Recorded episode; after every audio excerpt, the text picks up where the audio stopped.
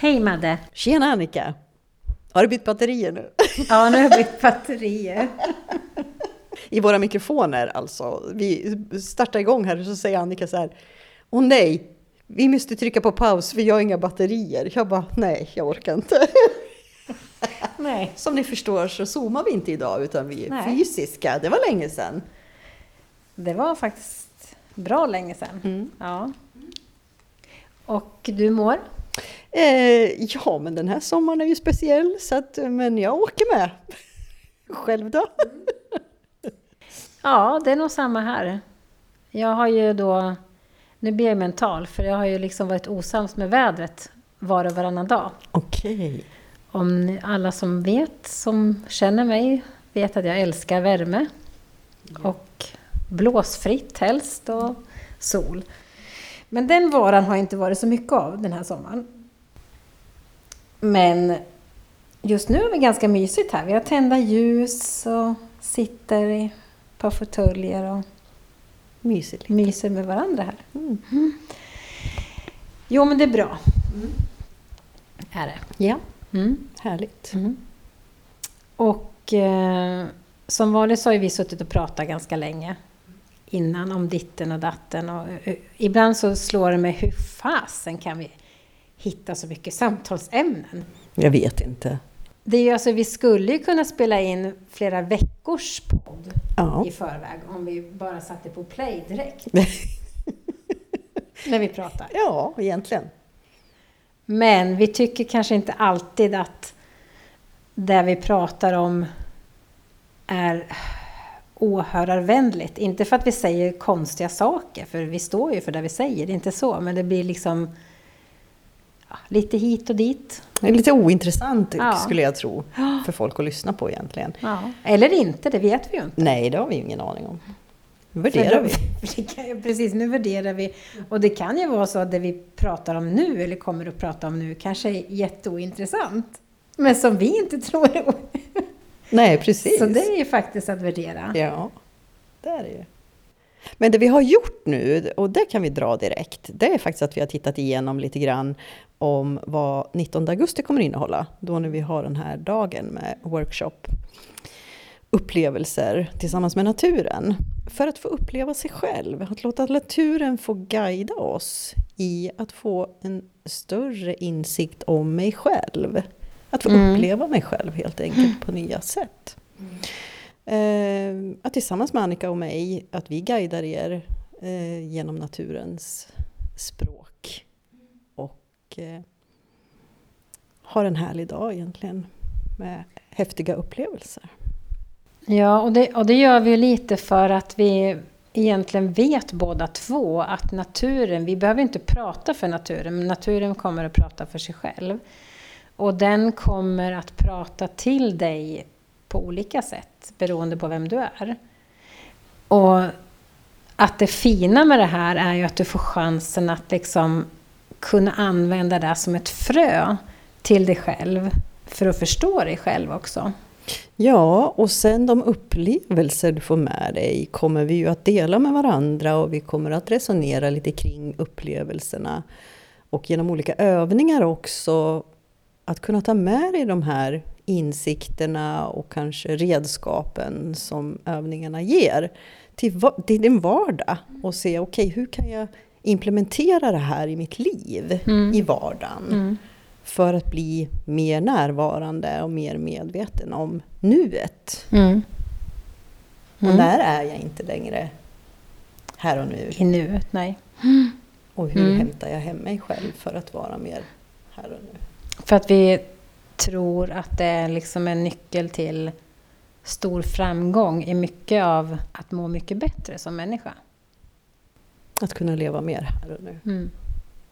Och vill man och är intresserad av det här och nyfiken på det här så kan ni höra av er till oss på något sätt. Ja, vi har ju event, ligger på Facebook också, på vår sida. Vad fan hände? Ja, just det. Det är ju, som Ni kan gå in och läsa lite mer där. Om ni vill. Eller så hör ni av er till oss bara. Så. Ja. Men det ledde ju oss också då till... Någonting det, annat som är väldigt mycket i närvaro. Ja, och det är våra djur. Absolut. Och det här är så sjukt, nu måste jag säga det här på en gång innan du säger något mer Annika. Ja. Ja. Att när Annika säger så här, nu när vi sitter så här och snicksnackar och så säger hon så här, nu vet jag vad vi ska prata om. Vi ska prata om det här, säger hon. Ja, det ska vi, säger jag. För vet du, i morse fick jag ett sånt fantastiskt vackert meddelande av en av våra lyssnare. Och nu kommer jag snart att tappa det, så att jag, jag, jag kommer ta det vidare senare sen. Ehm, ja, Men just att du får information eller du får det till dig samma dag. som jag inte vet. Ja. Men Mm. jag... Ja. Och det är då vi brukar säga dra ett kort. Ja. Ja. Eller vad fan händer? Synkronicitet liksom. Synkronicitet, ja. Ja, nej men det är ju lite våra djur. Och lite var väl också för att jag... Vi har varit inne på det innan då, det här äh, ointressanta samtalet som vi nu har konstaterat att ni inte skulle tycka var intressant. Mm. Eh, då jag tappar helt idag på väg i mitt jobb så möter jag en transport med grisar och jag hinner bara se sekunder liksom, eller någon så här sekvens. För det räcker för mig. För sen är jag lost eh, och storbölar och känner ångest och stress. Och då diskuterar vi kring det. Mm. Eh, hur svårt... Jag har jätte, jättesvårt för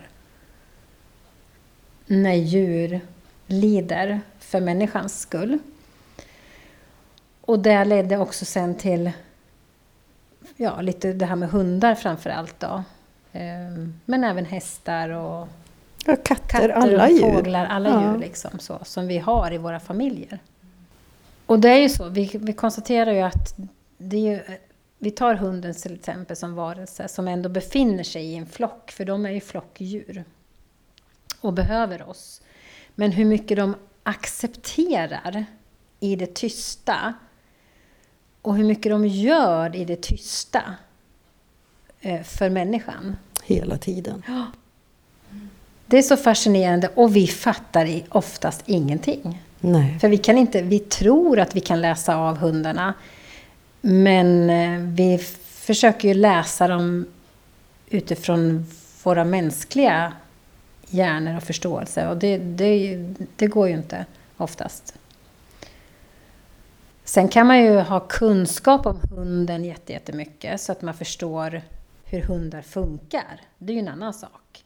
Men vi pratar ju om det här eh, som du inte kan ta på. Som de har med sig, energin.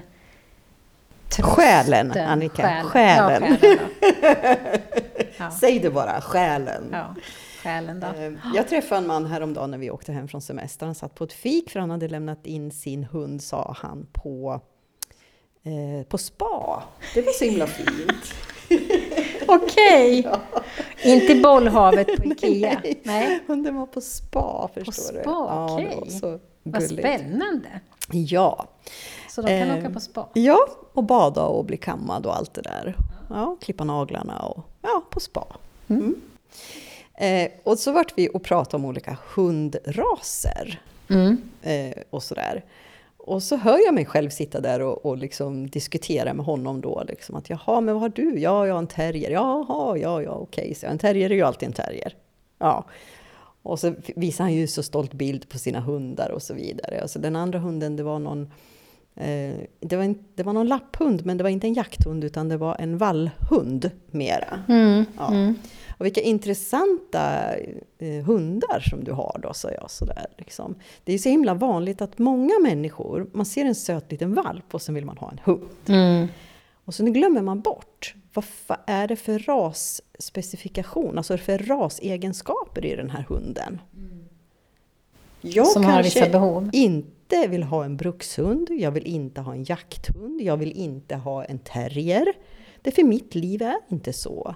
Jag vill ha en sällskapshund. En hund som följer mig där jag går, som jag inte behöver kampa med, som jag inte behöver liksom eh, manifestera mitt ledarskap för hela tiden. Liksom. Utan som är liksom, vi bara är tillsammans. Och jag har en sån ras. Ja. Och sen uppe på det då, mer än att djuret är en ras, så är det ju också en personlighet. Mm. Ja. Och det vet man ju aldrig riktigt. För den visar sig kanske inte riktigt så tidigt 8-12 veckor när man hämtar sin valp. Liksom. Utan det kanske utkristalliserar sig lite senare. Mm. Så det finns ju många fysiska liksom, saker att tänka på då när man eh, till exempel ska välja sin hund. Och nu säger ju jag bara så här, därför att det ni alla säkert vet som känner mig, det är att jag säger alltid att du kan tro att du väljer ditt djur. Det gör du aldrig. Det är alltid djuret som redan har valt dig. Ja, ja eh, det där har jag också hört tidigare, liksom att Ja, att djuret väljer dig. Och det, det, var väl inget som jag kanske tänkte så mycket på förut och det vet jag inte om jag hade behov av att tänka på heller. Men jag upptäckte det framförallt eh, för herrans många år sedan så hade jag en working kelpie. Min första, jag har haft två då, men min första jag hade.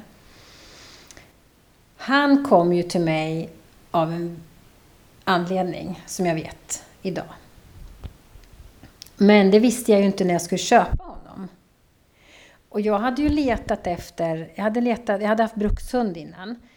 Eller hade egentligen. Men hon började bli till åren och så här. Och så skulle jag ha en vallhund, var jag intresserad av. Så jag letade efter en border collie, tittade mig för och hade liksom, jag läste lite och kollade. Men kände så att de jag träffade då, på den tiden, kände jag bara, men gud, jag får jag blir stressad. Det fanns liksom ingen trevlig, eller ja, tre, det är inte så att de var otrevliga, men inte så på den nivån som jag ville. Det var väldigt stressade hundar som jag träffade. Sen har jag ju förstått att det var ju, ja, det finns ju mängder av dem förstås som är jättefina. Men då, för det är ju många år sedan ändå. Eh, ja, hur som haver så blir jag i alla fall presenterad för en tjej via en kompis som har en working kelpie. Och, eh, och på den vägen då så träffas vi och så säger hon, så visar hon upp den här lilla, på bruksklubben kommer hon till. Och jag tyckte han var jätte, jättesöt. Um, men ser, säger till henne att nej men det här är ju din. Nej, sa hon, nej, nej, jag måste sälja honom för min man tycker att jag har för många hundar. Så jag, nej, Ja, så är vi en stund tillsammans igen fortfarande. Och så säger jag så här, nej, vet du, det här är din hund. Du ska inte sälja honom. Alltså hur söt och fin han än är och jag skulle gärna liksom köpa honom, så är det din hund. Ja, jag har ju känt så, sa hon. Jag får nog gå hem och fråga min man igen. Så här. Men jag har en annan. Jag har faktiskt en annan Hanne, för jag vill ha en Hanne. Så kan inte, vi kan väl ordna en träff hemma hos mig? Med, för det var hon som hade pappan till hunden, alltså den här kullen, och sen skulle hon ta dit uppfödaren. Och sen de som stod på kö då för att titta på hundar i alla fall. Det var väl ingen som hade bestämt till hundra någon. Och det här sker någon vecka senare. Eh, och då när jag kommer, då säger hon att jo, men jag behåller honom. Och i, idag så är det så roligt också för att göra den historien sluten hon har ju tillsammans med den hunden kommit etta på VM och alltså hon är, hon är, det här är en frontfigur inom lydnad, den här tjejen som äger honom. Och de blev ju ett, ett ekipage som är ja, helt outstanding. Tänk att man kände det. Mm. Ja. Eh, och i alla fall, när jag är hos henne så släpper hon ut alla valpar. Och en, de andra springer runt som valpar gör. En kommer direkt till mig och sätter sig. Och jag bara direkt, honom ska jag ha. Är han ledig? Ja, det är ingen som är tingad sa hon. Det är väl vi som bestämmer lite grann också. Honom ska jag ha, sa jag. Annars ska jag inte ha någon. Mm. Och det blev han. Ja. Och det blev min Ymer. Och det fina med att eh, också så här, det är, det är att den här hunden kunde jag tyvärr bara ha i tre år. Mm. För att jag fick sen ta bort honom på grund av sjukdom. Men de här tre åren satte sådana djupa spår, fina spår. Och han var med mig i sorgarbete och hjälpte mig. Eh, och än idag så pratar många av mina kompisar som träffade honom om honom för att han var så speciell. Så, så speciell. Eh, det var första gången som jag blev så här, eh, som du säger, introducerad i att de, var, de, de väljer. Mm. Och det är något alldeles särskilt eh, med vissa.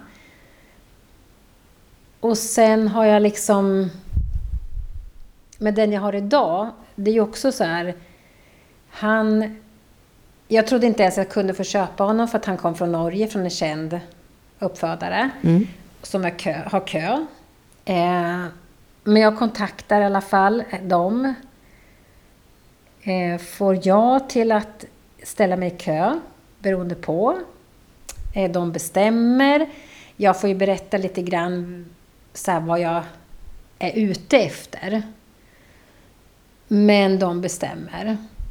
Och så får jag bilder från, från att de föds och då ser de ju alla ut som marsvin ungefär. De här, det här är en border collie jag pratar om nu då. Jag ser direkt en och känner att, ja, jag vet ju inte, men jag hoppas, jag känner så starkt. Ja. Och honom följer jag hela tiden under de här bilderna så jag får av uppfödaren. Och det blir han. Mm. Som hon väljer ut till mig då. Och det är också en sån här grej. Men där kunde jag, när vi pratar om personlighet. När han kommer hem till mig så tänkte jag, det här är en gammal gubbe. Ja. Det här är en klok själ, har levt många liv. Det här är en gammal gubbe. Han har varit så hela tiden. Mm. Och det är också en hund som är Ja, man tycker ju så om alla sina hundar förstås, men det är... Vissa är ändå lite mer extra. Det går inte att förklara. Man älskar sina hundar, men det finns vissa av dem som är något alldeles särskilt, som har kommit in i livet.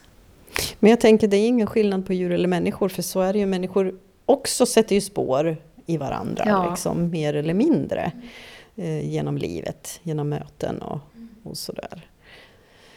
Um, och jag drar mig till minnes, jag vet ju vem jag var för en massa år sedan. Och den hunden som väljer mig var ju en liten Tuleur, en tik. Och hon var ett lejon, hon var en tiger. Hon var alltså fantastisk på så många vis. Vad kan hon ha vägt? Ja, mellan 4,5-5 kilo kanske. Alltså, men hon var ett lejon. Hon fick vilken stor hund som helst på rygg. Alltså hennes auktoritet och hela hennes pondus. Um, hon var otrolig alltså på så många sätt den här hunden. Det är ju lite så, det var ju den jag var. Mm. När, när vi levde ihop hon och jag. Jag var den här auktoritära tigern liksom, i mitt liv. Mm. Så att vi var ju liksom egentligen delar av varandra på något sätt. Mm. Och jag, jag var så imponerad av hennes litenhet och ändå hennes eh, kraft. Liksom. Och hon blev nästan 16 år gammal. Eh, och på slutet hon hörde lite dåligt, hon såg dåligt. Och ni vet med gamla hundar, man får gå upp och man får gå ut ofta och man får liksom ge dem mat som... Ja, mm. man får, precis som man vårdar gamla människor får man vårda gamla djur. Jag kunde vakna mitt i natten och hon kissade på mig. Mm. Jag kunde sitta i soffan och titta på TV och plötsligt så kommer hon upp och kissar på mattan, tittar på mig och bara går och lägger sig igen. Alltså hon börjar ju bli dement alltså där. Men hon var nöjd i livet och det var, jag menar en liten hund, det gör inte så mycket, det är liksom bara att tvätta sådär. Eh, det jag kunde reagera på, det var människor ute när man gick och promenerade. Därför att hon kunde aldrig vara lös eftersom hon började se så dåligt och hörde inte. Så var det farligt för henne att vara lös. Mm. Och ändå så tycker folk att man har rätt att släppa fram sin hund. Ja.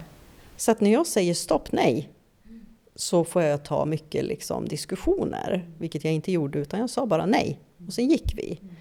Därför att hon vart ju överrumplad alltså. Och ja, du var ju tvungen att skydda henne. Liksom. Det är inte en, en safe miljö för en hund som inte ser och hör ordentligt och plötsligt är det någon som liksom främmande mm. som ska på snoka på en eller lägga tassen på en eller någonting. Det är inte okej. Okay.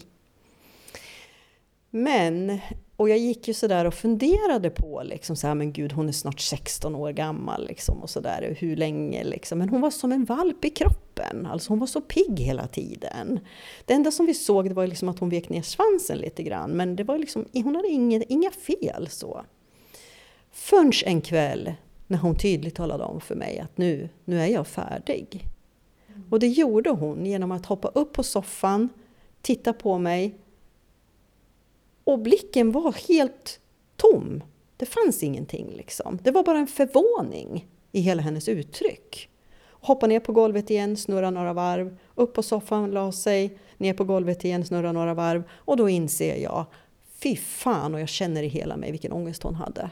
Alltså hennes demens hade gått så långt så hon förstod ju inte längre Nej. livet. Nej, precis. Och jag tänker, jag, jag som har jobbat inom vården, och det gör ju du med, man träffar gamla människor med demens. Mm. Alltså så... Alltså många gånger så lider man med ja, det är sån oro, människor. Liksom. För det är just den här mm. oron och mm. ångesten som liksom... Den är hemsk. Mm. Så jag kontaktade direkt veterinären och skickade mejl på samma kväll och fick en tid och åkte iväg ett par dagar senare. Mm. Och jag hade en fantastisk veterinär i Eskilstuna, hon heter Eva Selsing. Ja, hon är helt underbar, hon och hennes sköterska. Eh, och Mysan var jätte, jätterädd alltså för veterinärer, så hon tyckte inte om det. Men där, det luktar ju hemma. Mm. För det är ingen veterinärklinik, utan det var ju som att komma hem till någon. Liksom. Så hon tassade ju in där som vanligt och veterinären sa, jaha, är det den här hunden vi pratar om? Ja, sa jag. Mm. Ja, men det ser inte ut att vara något fel, du vet. Att hon tittade, hon var så frisk och kry och allt det här. Men jag bara, nej. Jag vill bara att du vet, säger hon till mig, och verkligen befriar mitt hjärta. Du har inte väntat för länge. Att få höra det, att jag har alltså inte plågat min hund genom att jag inte har sett och förstått att hon är färdig redan. Utan hon sa verkligen det och jag kände en sån befrielse i det. Hon, du kan ta med henne hem om du vill.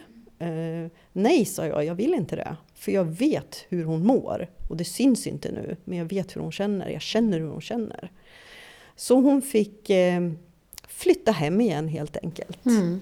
Vi släppte själen fri där och då. Mm. Eh, och det var fruktansvärt sorgligt och otroligt vackert. Så ärofyllt och så kärleksfullt de hjälpte henne över. Liksom. Det var fantastiskt att få ta del av.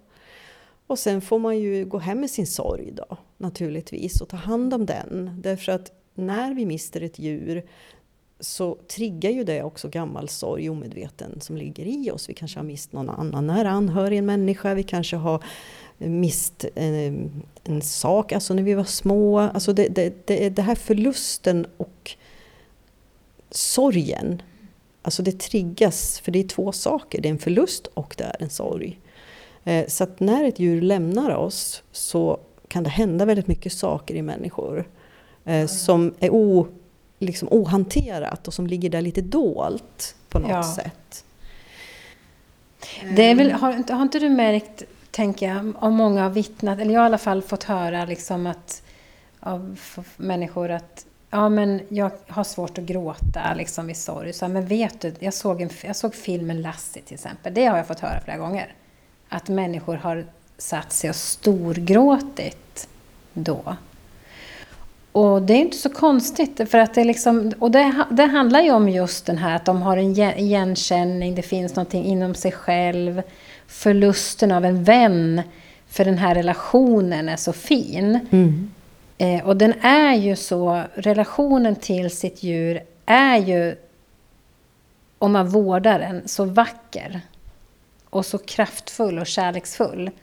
Utan att man tänker på det alltid. Därför att det är liksom vardagen är den som snurrar på mest. Och man tycker om sitt djur och sin hund och allt det här vad det är. Men den snurrar på och man tänker inte på det förrän den dag man står där. Det är då den blir väldigt stark. Just det där att förlora någon eller av separationen från någonting som är så starkt och kärleksfullt, som berör en på djupet, leder ju till jättestarka känslor förstås. Mm. Jag, jag tror... Um, jag brukar fundera så här, och kan det vara så att när vi förlorar ett djur, mm. eller vi ska fatta, vi som människor ska fatta ett beslut om liv eller död. Ja. Det, är också, alltså det är så enormt ansvarsfullt mm. för många människor. Eh, jag ser det som en skyldighet att djuren har den möjligheten. Vi människor har inte det. Nej. Många människor är så sjuka och önskar att de bara kunde få lämna. Mm. Men vi har inte den rätten i Sverige. Eh, och, men djuren har det. Och det är jag som människa, det är min skyldighet att faktiskt hjälpa mitt djur att få lämna när den säger till att nu är det dags. Mm. Sen förstår jag att det är otroligt, otroligt svårt eh, för människan att solklart veta mm. när det är dags. Men jag brukar säga som så med de människorna jag träffar och de djuren jag träffar i mitt jobb att du kommer att veta. För ditt djur kommer att tala om det så tydligt för dig. Mm. Om du lyssnar. Och där har vi den där grejen, om du lyssnar. Vad är det jag ska lyssna efter? Är det en känsla? Är det någonting den visar mig med sin fysiska kropp? Eller hur fungerar det här? Och det fungerar väldigt olika för olika djur. Men många gånger lever djur på övertid och de gör det för sin människas skull. För att den väntar in att människan ska vara redo att släppa taget. Ja. Och tänk den gåvan. Att djuren ger sin människa den gåvan. Mm. Att vänta in till att okej okay, nu, nu är min människa färdig. Nu kan jag släppa och få gå. Ja, och just att de, som vi börjar prata liksom om, att de, de är så kärleksfulla och oegoistiska och tacksamma. Alltså de, de har verkligen en otrolig förmåga att läka för en människa liksom, och finnas där för healingen. Och var faktiskt en... Eh, jag läste någonstans om en... Det var ett, en pojke i alla fall, en liten pojke och sen så var det en annan lite äldre och sen var det en vuxen som hade ett samtal om... Det var väl en hund som skulle dö då, alltså som skulle avlivas eller hur det var. Och då vart det ju sorgset att prata om. Och då säger de här lite äldre att, att det är så jobbigt att inte, människor, eller att inte hunden kan leva lika länge som människan. Och den här lilla pojken som inte är mer än fem sex år säger då i det här samtalet att ja, fast det vet jag. Det är för att människan måste lära sig vad kärlek är. Men det behöver inte hunden. Nej. Den vet redan vad det är. Ja. Alltså är inte det ja. underbart? Ja. Det är fantastiskt. Ja. Djuren vet vad kärlek är. Ja. Och det, det är en av deras livsuppgifter, brukar jag säga, att komma hit för att lära oss det. Eh, att, för att ett djur är icke-dömande. Nej. Eh, alltså, och du kan berätta alla dina hemligheter, alla dina skelett du har i garderoben. När du har sorg och går igenom saker i livet. Jag menar, hur många har inte sagt till mig Herregud, hur många gånger har jag inte gråtit i den här manen mm. på sin häst till exempel? Mm. Eller hur många gånger har jag inte gråtit i den här pälsen liksom på sin katt eller hund eller vad mm. det nu är. Mm. Alltså, det är det här att få vara totalt naken liksom, känslomässigt tillsammans med sitt djur. Det är då aldrig någon annanstans Nej. på det sättet. Jag tror att det är svårt för oss människor att vara så totalt nakna känslomässigt med människor omkring oss. Jag, jag, jag tror att det är lättare för oss med djuren. Och det är väl just därför det är så svårt vid en... Alltså vi har pratat om det, vi pratade om det innan här när vi satte igång också, att det är så svårt att just separera ifrån sitt djur. Att bestämma och sen likadant som du säger, var inne på, liksom, och vem är jag att bestämma? Vem, jag tar alltså mig rätten att bestämma över ett liv. Fast det är ju inte riktigt sant. För du gör det tillsammans med ditt djur. Fast du gör det inte på ett uttalat sätt eftersom det är ett djur. Men djuret har ju liksom, om vi säger hunden då i det här fallet, sagt som du sa, jag är redo att gå vidare. Mm.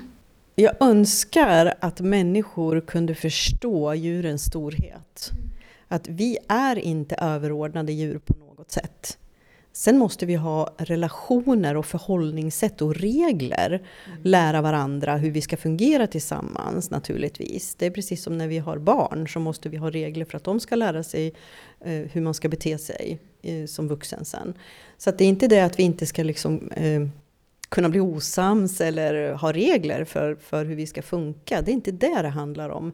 Men det är på något sätt människan tar sig rätten att vara överordnad ett djur. Mm. Jag brukar aldrig säga så här att um, Ja, är det din hund? Brukar folk säga till mig. Nej, jag är hans människa. Mm. Mm. Ja. Vi har en jämlik relation. Även om det är jag som bestämmer om han ska få springa lös på gatan eller inte, eller vilket mm. han inte får. Men, mm. men Olle då, min andra hund som jag har nu. Men vi har en jämlik relation. Han är min medarbetare, mm. han är min chef. Eh, ibland är han min anställde. Eh, han är min bästa vän. Jag tror aldrig att jag har haft en sån relation med, med ett djur någonsin. Nu tappar jag det. Ah, som jag har med honom. Och det är det som är så starkt och det är det som väcker så mycket av vårt inre, i våran själ. Vi kommer så nära. Eh, och det är det som är så fruktansvärt jobbigt också. För vi vet att vi, vi, liksom, vi går ifrån varandra ett tag. Vi kommer inte kunna fysiskt ta på hunden, krama, se och, och höra tassar eller det här. Men, och jag vet verkligen vad det innebär. Jag har haft många hundar. Um, och den jag har idag, min Zack, han är ju sju år och border collie. Beter sig faktiskt inte riktigt som en border collie förutom när han är på, i en vallhage. För att han är också väldigt annorlunda och det är som vi säger, både Robert och jag, vi kan ju prata med honom. Alltså vi bara säger, nej vi går inte där säger vi. Nej, säger han och så går han åt det hållet vi har sagt. Liksom, förstår du? Vi, vi är liksom jämställda lika så. Eh, han säger så här, men stanna här. Vi var på camping till exempel nu en vecka. Han låg lös utanför tältet. Eh, förtältet i husvagnen. Han låg där. Det gick hundar, det hoppade kaniner, det var barn, det var människor. Men han och jag hade kommit överens. Du stannar där. Mm. Ja, och han stannar där. Och det här är ju någonting som bygger på en gemensam respekt ja. och en trygg relation. Och jag brukar säga det när människor kommer till mig med sina djur. Ja, men varför gör min häst så här? Eller varför funkar inte det att göra så här? Och varför funkar inte min hund med det här? Eller varför gör katten så där? Ja, men, va, va, alltså hur funkar relationen? Hur har ni byggt er relation? Vilken typ av tillit har ni? Har ni ett dominansförhållande eller har ni en jämlik relation? Där ni respekterar varandra? Med det sagt återigen, det handlar inte om att man är eh, gränslös eller att man nej, inte har regler. Absolut inte. Men, men det har att göra med att det finns en grundläggande respekt. Mm. Och att man bygger relationen därifrån och att jag förstår vilken ras det är jag har, vilken personlighet är det och var någonstans mår min hund bäst av att vara? Vilken egenskap kommer han in i min familj med? Vad är det han är här för att bidra med? Och det här är någonting som är jättespännande. För då ser man personen som jag har framför mig många gånger jag möter, eller familjen, vilken roll hunden har tagit i familjen. Eh, och det är ju där, den rollen, det är ju dens jobb. Det är hundens jobb. Mm. Så att man tar ifrån den här hunden sitt jobb hela tiden, så får du en hund som blir provocerad eller deprimerad eller på olika sätt och vis försöker tala om att men hallå, jag är inte nöjd med det här. Ni tar ifrån mig min livsuppgift, liksom, mitt jobb. Eh, och när man förstår det här då, åh vad det löser mycket. Och sen att man då börjar tänka på, okej, okay, hur bygger jag en relation med mitt djur? Istället för att vara dominant och försöka bestämma hela tiden och inte lyssna på eller förstå vad är det djuret egentligen vill eller säger för någonting. Ja, eller att gå på någon annans eh, tyckande eller vetande, säger jag. Och teorier hit och teorier dit och så. Och det är klart att vi ska, alltså, som du säger, regler är regler. Och det är en familjemedlem precis som alla andra i en familj där man liksom har ett, eh, mm, en överenskommelse någonstans i hur vi vill ha det. Eh, och där måste ju alla ha det olika förstås, för det beror ju på vad, hur jag som person vill ha det hemma. Jag vill inte ha någon som sitter på bordet kanske, eller hoppar i soffor, eller, eller så vill jag det. Och då är det okej. Okay. Det spelar ingen roll. Men jag måste ju bestämma, vi tillsammans måste bestämma i alla fall. Och det är väl de reglerna man har. Men jag tänker på det du sa, att just bygga relationer, för det är någonting som är A och O. Från den första dagen man får hem sin valp, den är jättesöt. Men den kommer bli vuxen. Eh, och den har behov. Eh, och då måste man liksom lära känna varandra. Så det är oftast det jag gör med min hund. Det är det viktigaste jag lägger mycket tid på där i början. Att lära känna. Du lär känna mig, jag lär känna dig. Och jag tror att det är det som är nyckeln till, min, till mina eh, hundars lydnad, eller om man ska säga hur de har skött sig sen, och den harmonin. Och sen med det sagt också att man någonstans lyssnar av det du säger, Madde, att vad har min hund för behov? Um, om jag ser att min hund är nöjd, sover hela nätterna, inte stressad, väldigt lugn och sansad, äter och dricker och visar liksom glädje i livet, då är jag på rätt spår. Mm. Då behöver jag inte leta efter någonting annat bara för att den här hundrasen kanske behöver cykla mer eller eh, vara ute i skogen mer eller jaga eller valla eller någonting. Nej, det jag gör tillsammans med min hund, eller vi gör tillsammans med min, våra hundar, om jag ser att de mår bra, det är harmoniska djur. That's it. Då har jag nått fram. Oavsett vad det är. Men det är också någonting som jag har tänkt på många gånger, att då jag hamnar i diskussioner, och framförallt i vallvärlden så är det ju en del människor som faktiskt, nu får jag kanske på moppo om det är någon som lyssnar på det här, men att man ska just valla. Hunden ska valla. Ja, fast det finns faktiskt de djur som, alltså hundar som inte vill valla.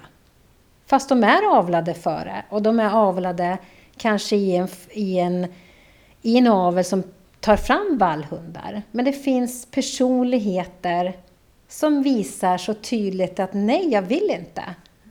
Tänk dig vad händer då när du tvingar den hunden ut?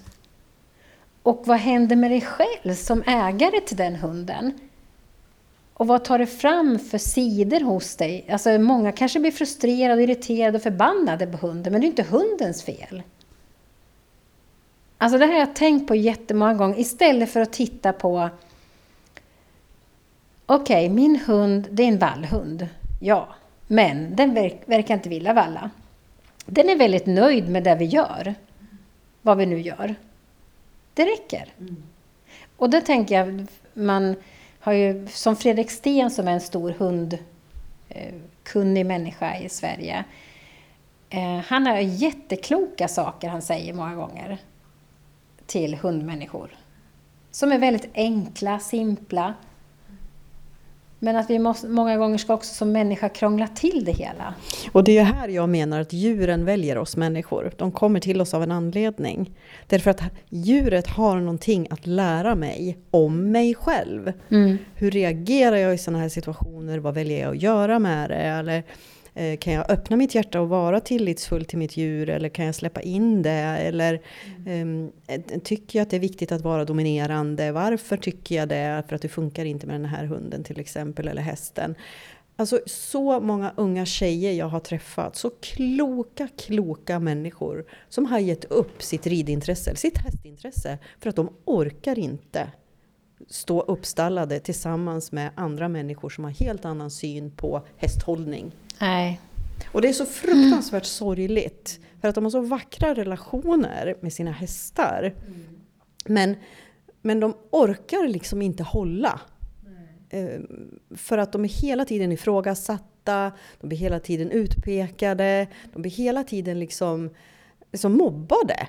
För att de har en relation med sin häst.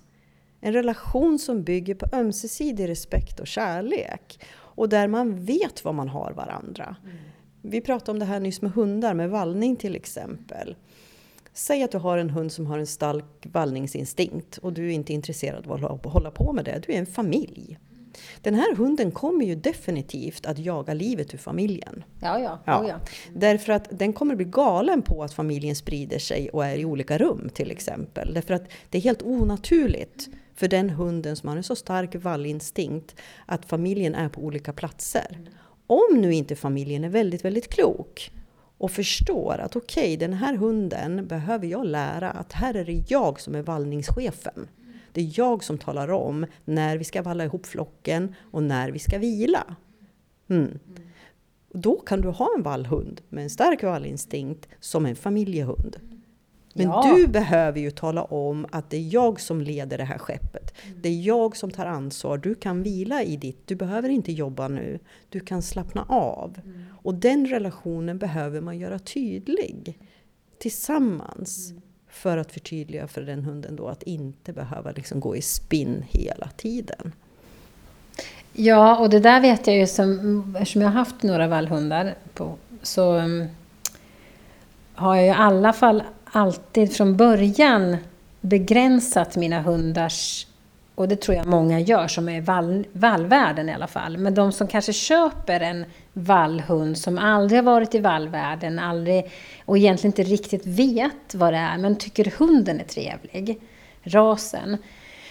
Eh, det finns ju jättemånga som lyckas med det också, men det finns ju de som har misslyckats. Eh, och det är väl kanske mycket för att man inte just förstår att vallhund, oavsett om du sen är, blivit jätteintresserad av vallning som hund eller inte, så har de det inbyggt i sig.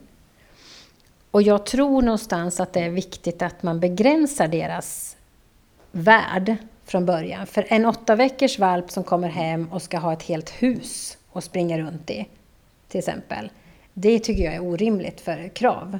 Mm. Och, och sådana saker, det är som små enkla saker man kan tänka på. Vad du nu än har. Och har du en jakthund så kanske du inte ska eh, låta katten springa fram och tillbaks och reta den här hunden. Men förstå, det kan mm. vara vad som helst mm. i all enkelhet. Mm. Men just att titta på vad är det för ras och vad är det för personlighet och så vidare. Och vad är det jag själv som människa tycker om att göra eller vill, vad vill jag ha? Men det du sa, det här med personlig utveckling, det har jag också hävdat så många gånger. Och framförallt är ju det i vallningen. Nu pratar jag mycket vallning, men det är min erfarenhet. Det är att jag har aldrig varit med om någon bättre personlig utvecklingskurs för mig själv. Som när jag står med mina hundar och har tränat dem i vallning. Det är så ex alltså man kommer på sig själv, man får spegla sig själv. De talar om, fåren talar om. Alltså det är så mycket som man får veta. Som är så fantastiskt roligt. Men och det, den möjligheten också. ger ju djuren, om du är lyhörd. Ja. Och, och liksom uppmärksam på signalerna mm. eh, och, och liksom hör ditt djur. Nu behöver inte du höra ditt djur att den pratar i ditt öra, men du kan se på beteendet eller viljan eller oviljan eller funkar det eller funkar det inte liksom i familjen sådär. Alltså, vart någonstans skaver det? Skaver det någonstans? Mm. Alltså varför gör det det då? Har jag varit otydlig? Mm. Är det så att jag har förväntningar på mitt djur som jag inte har kommunicerat? Jag har inte varit tydlig nog och talat om vad är det jag förväntar mig av dig. Eh, det är också någonting som är väldigt vanligt, framförallt med hästar. Det är, det är ju verkligen det här att jag kommer in i stallet jättestressad, jag kommer från jobbet eller från skolan eller vad det nu än är och jag är inte närvarande och jag går in och jag ryktar av och jag ska göra det här, hämtar i hagen och jag slafsar runt och liksom så här inte, jag är inte där. Alltså hur många hästar som bara står där och bara väntar på att okej, okay, när tänker du landa in då? Okej, okay, jaha, ja, vad ska vi göra idag då? Jag har ingen aning för att människan är inte ens här än. och så ska du ut och så ska du mm. prestera på banan eller du ska ut i skogen eller du ska göra någonting. Och sen bara, nej fan det gick åt helvete den här gången, gud bla bla bla. Och så kanske du tränar för någon som du har betalat dyra pengar för också som kommer dit. Nej men alltså nej, det är dumt att misslyckas. Alltså, jag brukar säga det första du ska göra det är att ta ett djupt andetag utanför stalldörren. Alltså för, för hästen har känt, eller det spelar ingen roll vilket djur, så känner de av dig långt innan du kommer hem. Mm. Fysiskt. Ja, ja, oh ja, ja, ja. så han bara, ta ett andetag, alltså se att det växer ut rötter under dina fötter, skaka av dig dagen, gå in, tvätta händerna kanske, tvätta av dig dagen. Gör en ceremoni för dig själv så att du känner att du liksom är här och nu. Och sen så känner du i ditt hjärta hur du liksom blir varm, hur du kan se framför dig om du sluter ögonen, hur ni möts, alltså vilken kärlek du känner, vilken glädje du känner och sen kliver du in. Vad som kommer att ske därifrån mm. och, och resten av tiden ner tillsammans den dagen kommer att vara någonting helt annat mot vad det har varit om du kommer in enligt min första beskrivning. Mm. Och den är också intressant just med tanke på vad vi pratar om, hur tålmodig ett djur är. Alltså vad fantastiska de är. Om du kommer inrusande på det här sättet hemma i din familj tillsammans med partnern du lever ihop med, inte fan skulle den partnern acceptera och stå och vänta och tänka så här, okej, okay, hon har inte kommit hem än. Hon stod, fysiskt är hon här, men hon har inte kommit hem, hon har inte landat än. Vad fan håller hon på med? Det är skitsamma, jag väntar här. Nej, det skulle ju inte ske. Nej. nej. Då har du ju startat ett världskrig någonstans. Ja. Men ett djur, nej. De lugnar, de dämpar, de healar. Tills du till slut kanske har uppnått den här äh, fina harmonin med dig själv. Mm. Eh, men det kanske är sista minuten i så fall, mm. på ridpasset eller Ja, eller så sitter du på arslet på banan. Eller liksom. så sitter du, Därför ja. att ditt djur är väldigt eh, tydligt ja, med att, att jag accepterar Nej. inte det här. Eller din hund kanske om du bara kommer hem, rycker ut och springer ett varv innan du ska hem och laga middag. Liksom, och den, hunden drar åt helt andra hållet och mm. lyssnar inte alls på vad du säger. Och, nej, vad fan ska den lyssna på? Du är ju inte ens där. Nej. nej.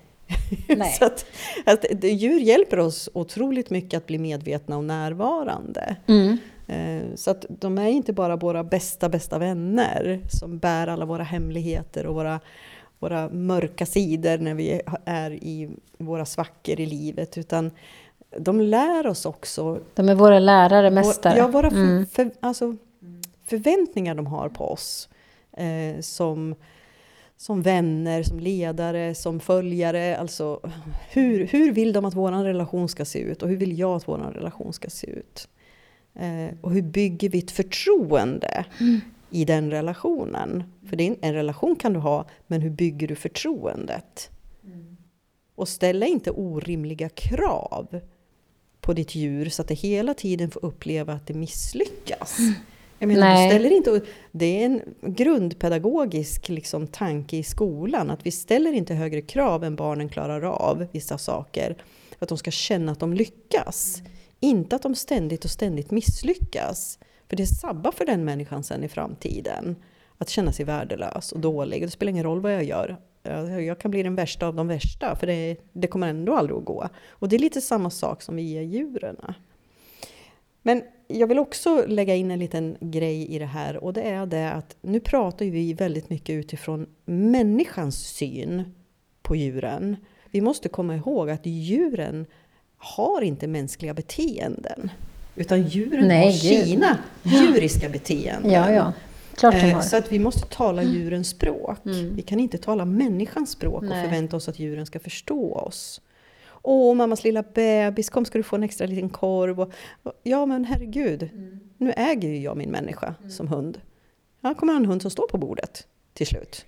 Ja, eller ja. som jag hade ett samtal med en granne där vars hund springer ut på vägen när man kommer med bil och det är ju livsfarligt. Ja. Så jag har ju bett lite snällt först att ni måste ha er hund kopplad. Mm. Ja, men han måste ju få vara lös och led. Nej, han måste inte alls, sa jag. Ja, men du och din hund, ja, fast min hund lyder till mig, alltså 100 procent. Och sen har jag mitt, jag har staket runt mitt hus. Så att den går inte ut. Det kommer inga bilar kan köra och den kommer inte ut. Och du vet så här lite så här, mm. ja. Och sen så, och så säger jag så här, och sen vill inte jag köra på eran hund. Nej, men då, vad då? Ja, men han springer efter bilen. Det är livs... Jag tycker det är otäckt. Ni måste ha er hund kopplad. Då säger ägaren så här, titta ner på sin hund och så säger han så här, ja, hundens namn i alla fall. Ja, men du förstår att du får ju skylla dig själv i så fall, om du blir påkörd. Så och där inte. står jag och tittar på det här spektaklet där ägaren står och tittar ner på sin hund och pratar med sin hund som att du förstår, du kan ju inte springa ut för då får du skylla dig själv att du blir påkörd. Och jag bara, men snälla du. Nej. Och jag vill inte ha det på mitt samvete, så nu är det du som kopplar hunden. Punkt. Men förstår du hur man kan diskutera med sin alltså säga så? Så apropå att förmänskliga så är det ju otroligt många som gör det. Eh, och jag tänker så här, om du har en Vi har ju haft hästar i många år, eller i, i, i en stor del av mitt liv så har jag haft med hästar att göra. Det är samma sak där, eller ännu värre. Om du förmänskligar en häst. Det är ju alltså, det kan ju vara en varelse på 600 kilo. Och mer. Ja, och mer därtill. Ska du då... Ska du, tänk om den liksom börjar bete sig och ha en attityd för att du har förmänskligat den här. Det är ju, kan ju, det är ju livsfarligt. Det blir livsfarligt. Ja. Det, det är omöjligt. Jag menar, då skapar du ju verkligen en risk för ditt eget liv. Eller Ja. för någon annan. Och vad, då tänker jag så här, är inte det ganska oansvarigt och jävligt korkat i så fall? För det kan leda till att du kanske måste ta bort hästen i värsta fall. Eller det kan leda till en olycka som sker. Så skärpning alla människor som kan förmänskliga sina djur. Det går inte, för det är ett djur. Djur har djurbeteenden. Och vill man hjälpa sitt djur och skapa en god relation, eh, bygga ett förtroende, så ta då reda på vilka naturliga beteenden har den här hunden eller den här hästen. Eh, och försök att kommunicera sen därifrån. Eh, och bygg relationen och ha förväntningar på varandra. Därifrån, där du kan förstå ditt djur. Ja. Och jag brukar säga till folk som jag känner, som, när vi hamnar i sådana diskussioner, och för de kan, några har frågat mig hur har du gjort för att jag har haft ganska lydiga hundar och så här.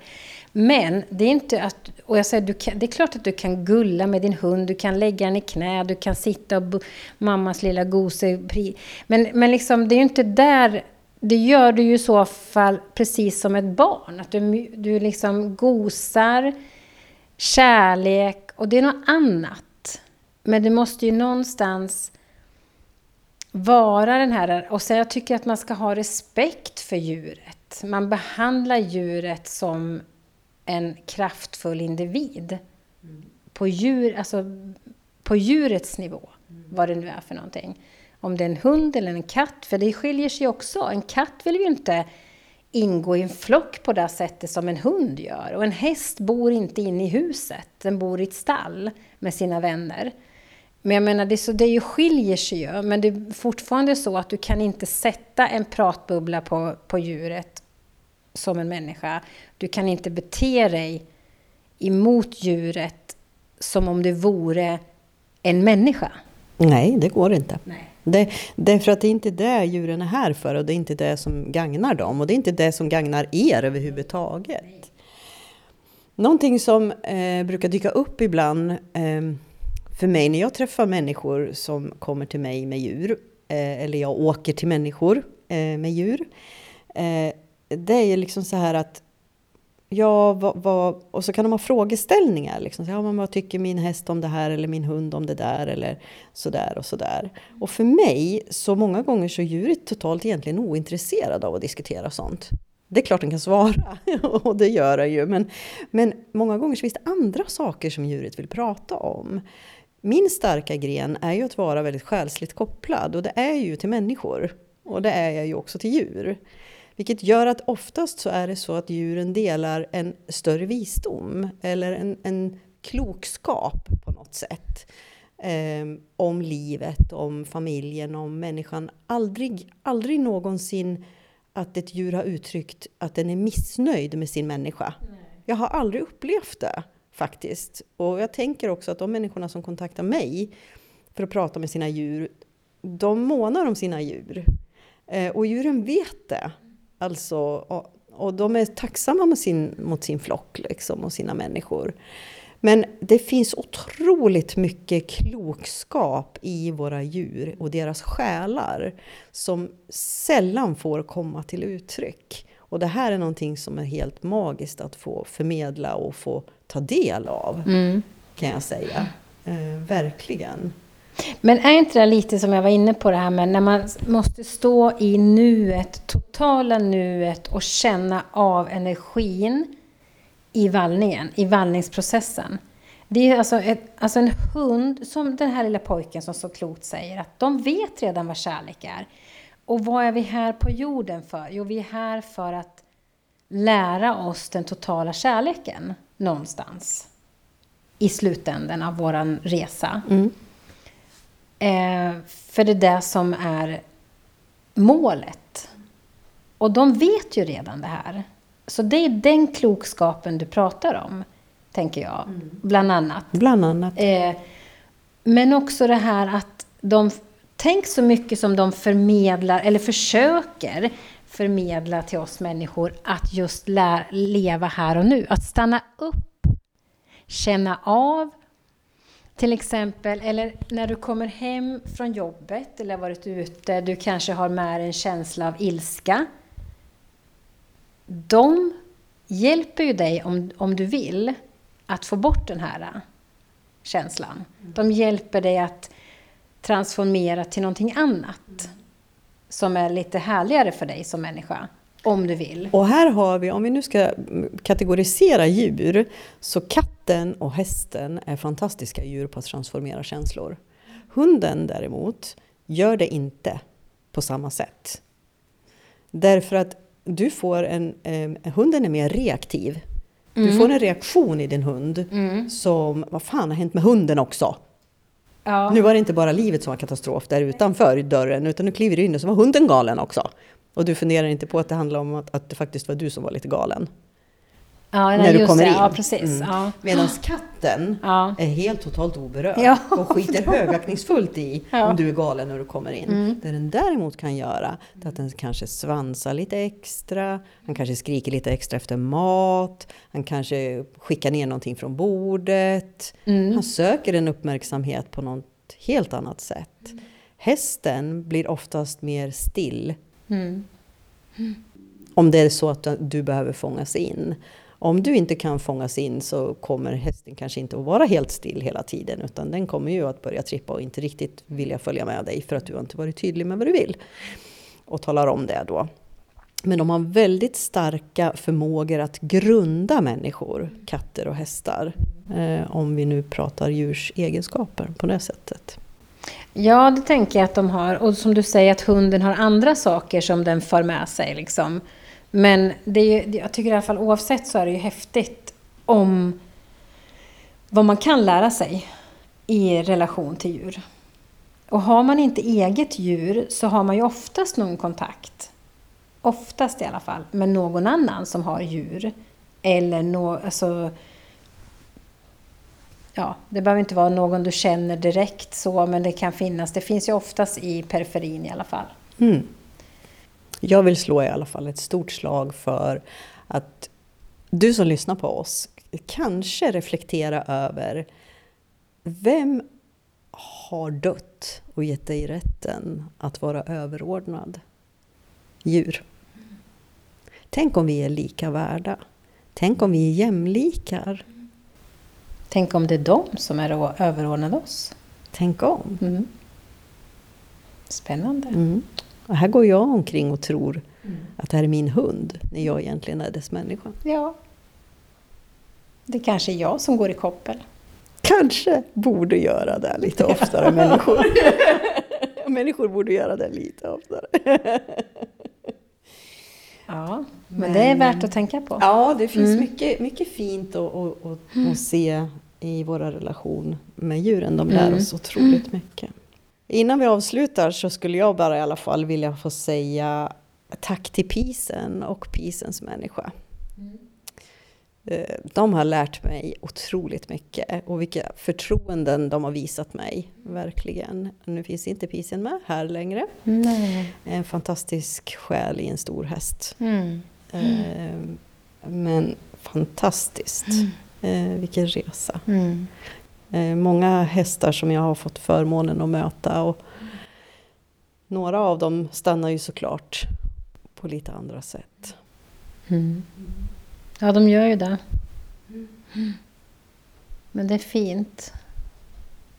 Det är fint med de relationerna.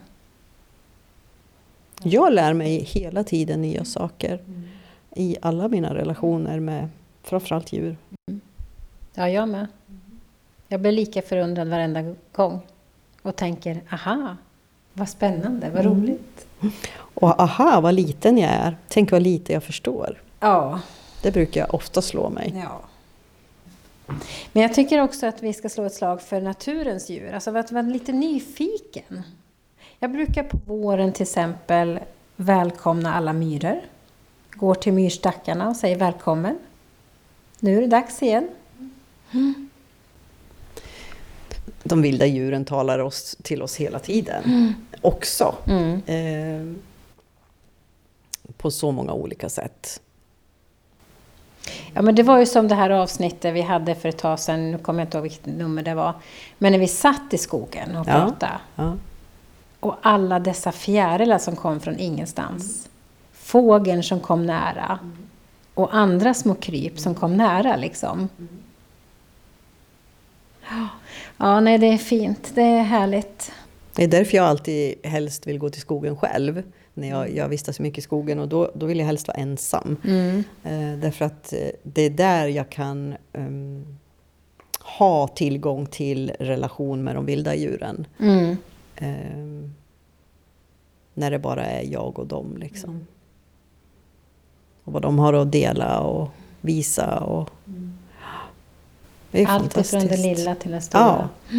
Magiskt. Ja. Det här blev ju ett avsnitt också eh, om djur. Och relation till människan och människans relation till djur. Ja, så viktigt. Ja, ja det är det faktiskt. Så viktigt. Och som vi brinner för också, tänker jag. Att Verkligen. du i ditt jobb I mitt liv. och i ditt liv. Och jag i mitt liv. Jag har, ju inte, jag har inte djuren i mitt jobb, men jag har djuren i mitt liv. Så, tack för den här gången Annika. Ja, men tack Madde. Och tack till er som lyssnar. Jag säger tjing på er. Och jag säger puss och kram på er. Hej!